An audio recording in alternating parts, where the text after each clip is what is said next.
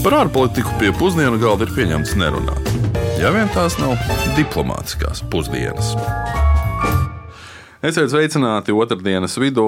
Jūs kārtībā reizē klausāties diplomātiskās pusdienas. Iespējams, ka dzirdat mūsu tiešraidē vai atkārtojumā Latvijas rādio.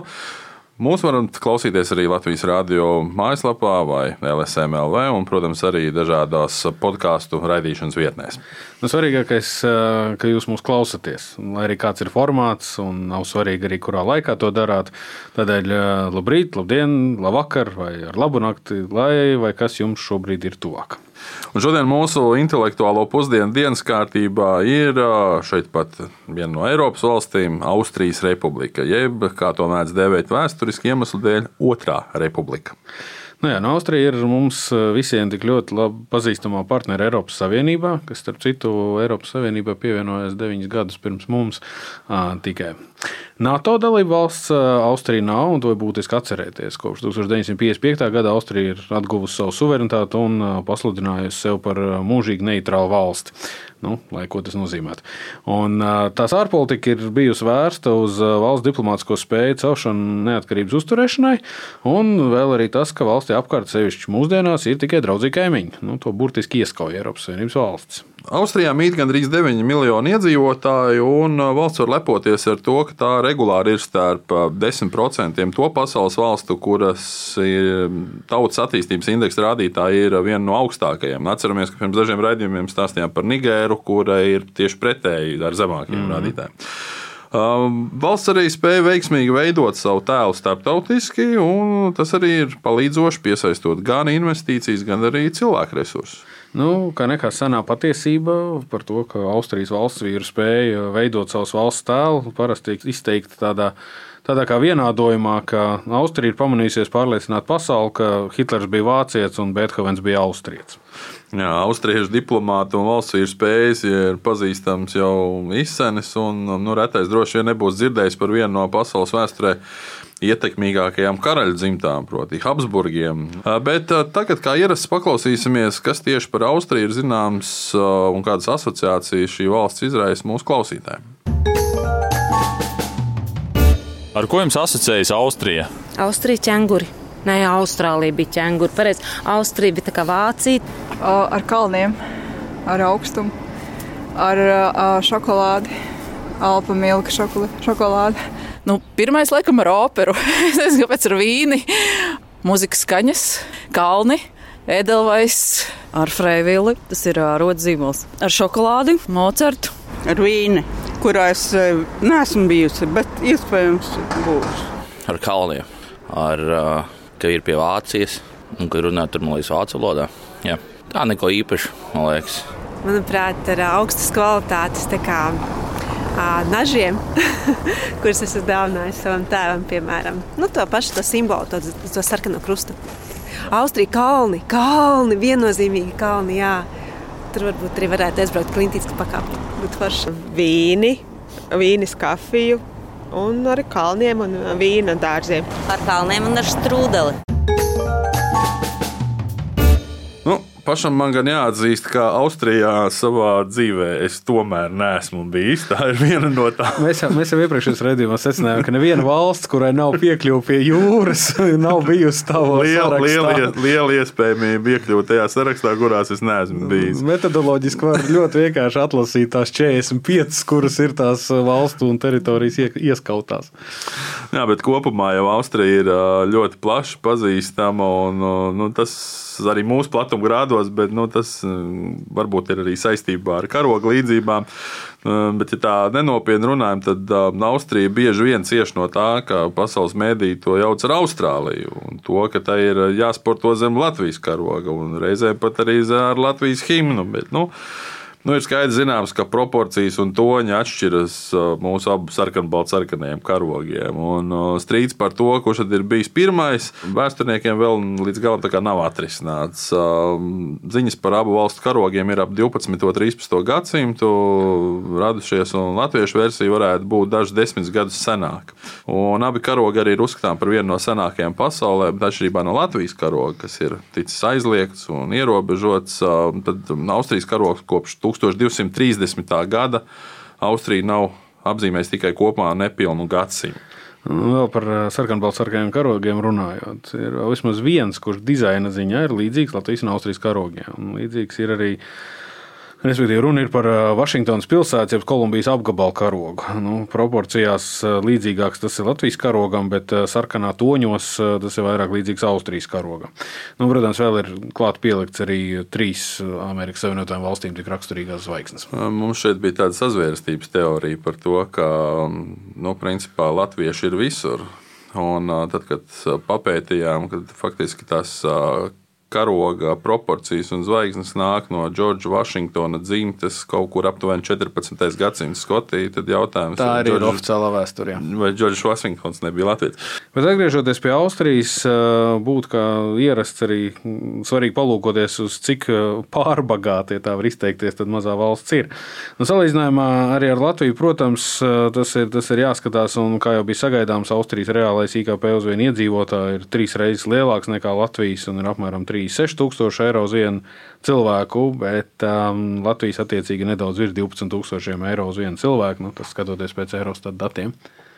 Jā, Austrija Latviju pārspējas katrā ekonomiskajā rādītājā, ieskaitot arī dažus sliktos. Nu, piemēram, Austrijas valdības parāds ir lielāks nekā Latvijas parāds. Nu, pēc tautas attīstības indeksa gan Latvija tik ļoti vairs arī neatpaliek. Nu, tajā tiek rēķināti gan iedzīvotāju ekonomiskie un sociālie rādītāji, izglītības un veselības iespējas, personīgās drošības aspekti un arī virkni dažādu citu. Austrija tajā rādītājā ir 18. vietā, kamēr Latvija nu, 37. vietā no visām pasaules valstīm. Nu, es domāju, sanāk, ka līdz Austrijai mums vēl gabaliņš ir jāpakāpj, bet absolūti lielākā daļa pasaules valsts šajā rādītājā ir aiz Latvijas. Un katrs droši vien gribētu piesaukt to, ka Arī Austrija ir maza valsts, bet bagāta. Nu, tādēļ būtu vērts nedaudz paskatīties, kāda Austrija ir tik bagāta un kāpēc. Un domāju, ka būtiskākais, ko nepieciešams pieminēt, noteikti ir uzkrātais iedzīvotāju un valsts kapitāls. Nu, kapitalistiskās ekonomiskās sistēmas nepārtrauktība ir ļāvusi Austrijai akumulēt mantas un naudas līdzekļus, celtnes un tehnoloģijas nu, ne tikai valsts un uzņēmumu līmenī, bet arī pašiem iedzīvotājiem. Un tas ir atšķirībā no Latvijas. Nu, atšķirībā no Latvijas, Austrijas ekonomiskā sistēma ir bijusi ilgāk balstīta privātā īpašumā, un nav bijuši sistēmas līmeņa eksperimenti, par nu, kuriem mēs tikām pakļauti Padomju Savienības ietvaros. Jā, bet bez šī sistēmiskā faktora jāņem vērā arī tas, ka Austrija ir arī veiksmīgi izmantojis savu geogrāfisko mm, stāvokli un arī attiecības ar Vāciju. Lai arī tās nevienmēr ir bijušas tās izcilākās. Tomēr arī mūsdienās 28% no austriešu produktiem ceļo tieši uz Vāciju. Un, un, un virkne lielāko Austrijas kompāniju var redzēt, darbojamies Vācijā, tostarp lielveikalu ķēdes bankas. Uh, jā, starp citu, trešais lielākais tirzniecības partners Austrijai ir Amerikas Savienotās valstis. Un, nu, un, ja mēs runājam par ietekmīgākajiem zīmoliem, tad Austrijai tie ir Red Bull un Svarovski. Nu, abus divus ļoti labi pazīst arī Latvijā. Tikmēr skatoties uz lielāko Austrijas kompāniju sarakstu, nekāda lielie pārsteigumi gan tur arī nebūs. Jo nu, bankas un apdrošināšanas kompānijas, enerģētikas kompānija OMV, tērauda ražotāja un celtniecības uzņēmums Strabag. Respektīvi, klasiski industriāli milži. Vienīgais, ka viens no noslēpumiem ir tieši šīs te nu, ka tie ir milži. Pēc apvienošanās, pārņemšanas un alianšu institūta aprēķiniem Austrijas kompānijas ir aktīvi konsolidējušās pēdējo 30 gadu laikā. Uzņēmuma apvienošanās un pārņemšana notikusi gandrīz 7000 gadījumu un ar kopēju vērtību vairāk nekā 200 miljardu eiro. Un te nav runa tikai par Austrijas kompāniju pašu apvienošanos, bet arī apvienošanos ar Vācijas, ar Amerikas kompānijām un tādā veidā radot daudz lielākus biznesa veidojumus. Efektivitātes paaugstināšana Nu, tehnoloģija iegāda, izmaksu samazināšana, tirgus daļu, tūlītēji iekarošana daudz citu iemeslu, kādēļ austriešu kompānijas šo te ir izvēlējušās. Un, ja tā godīgi, tad reizēm ir bēdīgi redzēt, ka Latvijā savukārt tā izteiktākā vēlme ir būt kaut kam ļoti maziņam, bet uh, svarīgākais ir nedraudzēties ar citiem. Ja tu draudzējies ar citiem, tad tu vari nonākt kartelī bieži. Tā ir otra galība. Nu, vēl viena lieta, protams, ir uh, Austrijas arī ekonomikas daudzveidīgums. Industrija dažādība ļauj balansēt ekonomiku pret dažādiem tirgus satricinājumiem. Nu, kā var iedomāties, um, izvairīties no satricinājumiem maza Un atvērta ekonomika patiesībā nemaz nevar. Un, un, un Austrija tāpat ir atkarīga no Vācijas ekonomiskā attīstības cikla un arī no Krievijas enerģijas piegādēm. No, tur mēs visi esam atkarīgi, jāsaka tā. Ekonomikas atvērtība vēl nenozīmē drošību, un arī ekonomikas daudzveidība vēl nenozīmē drošību. Nu, un, un, un patiesībā jau mūsdienīga valsts vairs nemaz nevar būt atrauta no pārējās pasaules.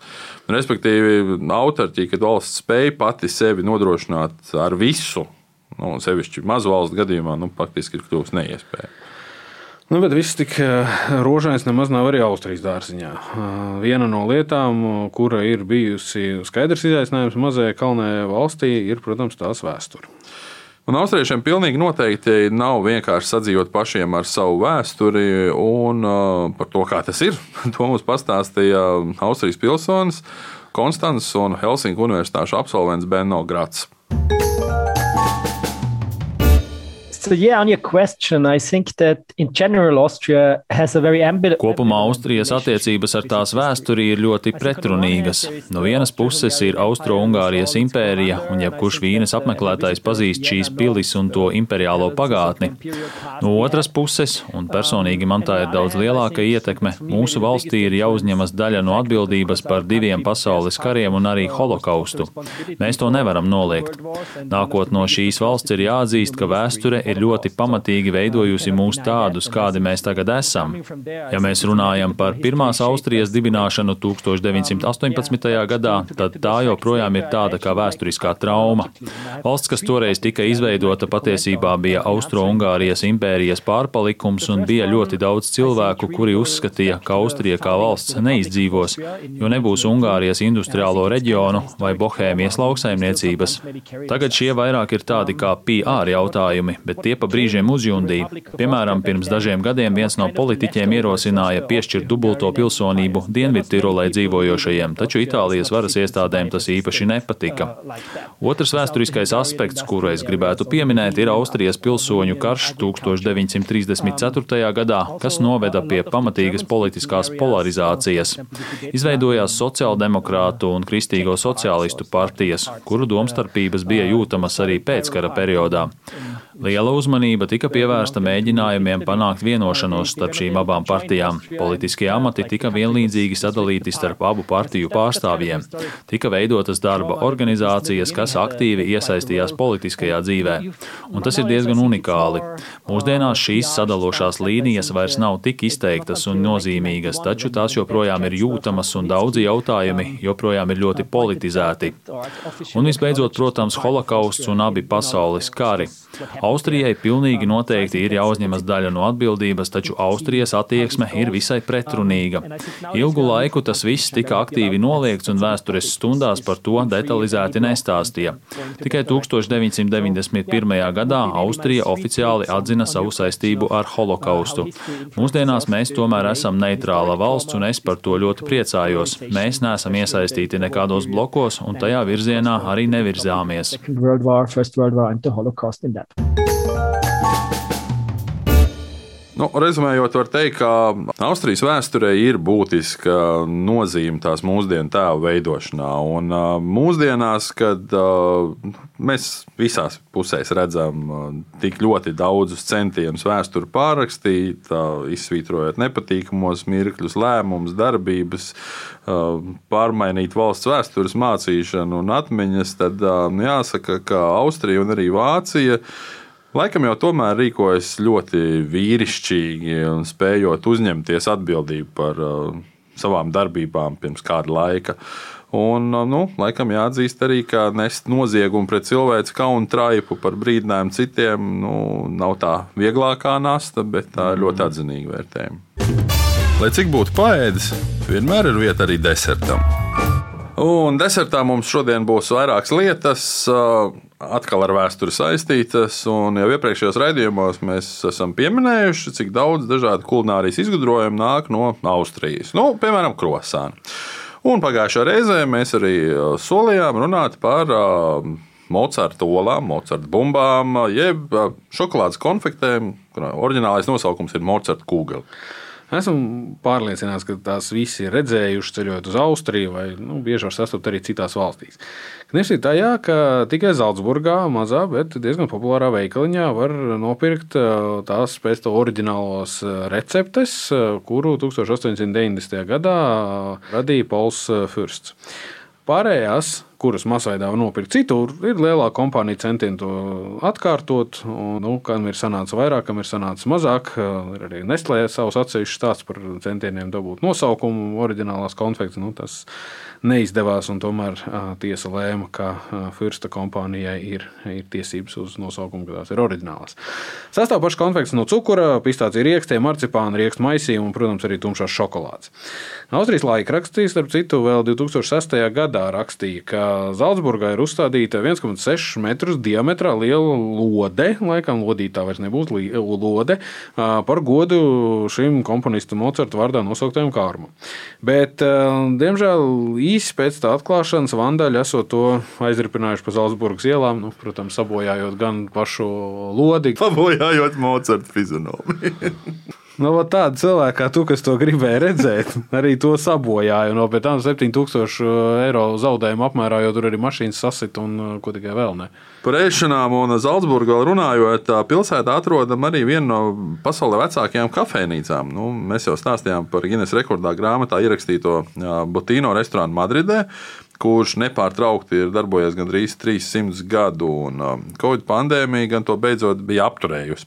Bet pats vecākais restorāns un, attiecīgi, arī viens no desmit pasaulē vecākajiem uzņēmumiem ir atrodams Zaldzburgas abatijā.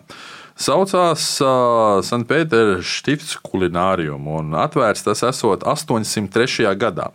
Un, kā par to reizēm mēdzot teikt, tas ir restorāns, kurā ir ēduši gan Mocards, gan Klints Īstvuds. Runā, ka arī pats Kristofors Kolumbs arī esot pamanījies ēst šajā restorānā. Tādēļ jau vēsture ir diezgan gara un interesanta padarīšana.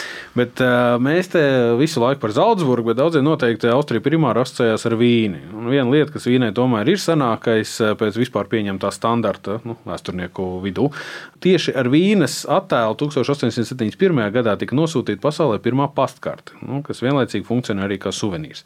Respektīvi, līdz ar pasta sistēmas attīstību 19. gadsimtā, līdz ar papīra ražošanas un drukas iekārtu masveidīgumu pieaugumu, pakāpeniski dažādās pasaules vietās pasta analogs izziņu formātām, pastkartes arī radās un tika uh, izplatīts. Nu, un Vīna bija pirmā pilsēta, no kuras tika nosūtīts un, kur, un kura bija attēlota uz uh, šīs pastkartes. Jā, bet jau nākamajā raidījumā mēs pastkartes sūtīsim uz vai no Brazīlijas. Pēc daudz klausītāju aicinājumiem beidzot dosimies arī uz Dienvidameriku, uz Brazīliju. Tikmēr, lai jums visiem jauka šī nedēļa. Atgādināšu tikai, ka raidījumu veidoja dr. Kārls Bukovskis, Rīgas Tradiņu universitātes docents un Uģis Lībijams, Latvijas radio žurnālists. Uz sadzirdēšanos jau pēc brīža. Diplomātiskās pusdienas katru otrdienu pusdienos Latvijas Radio 1.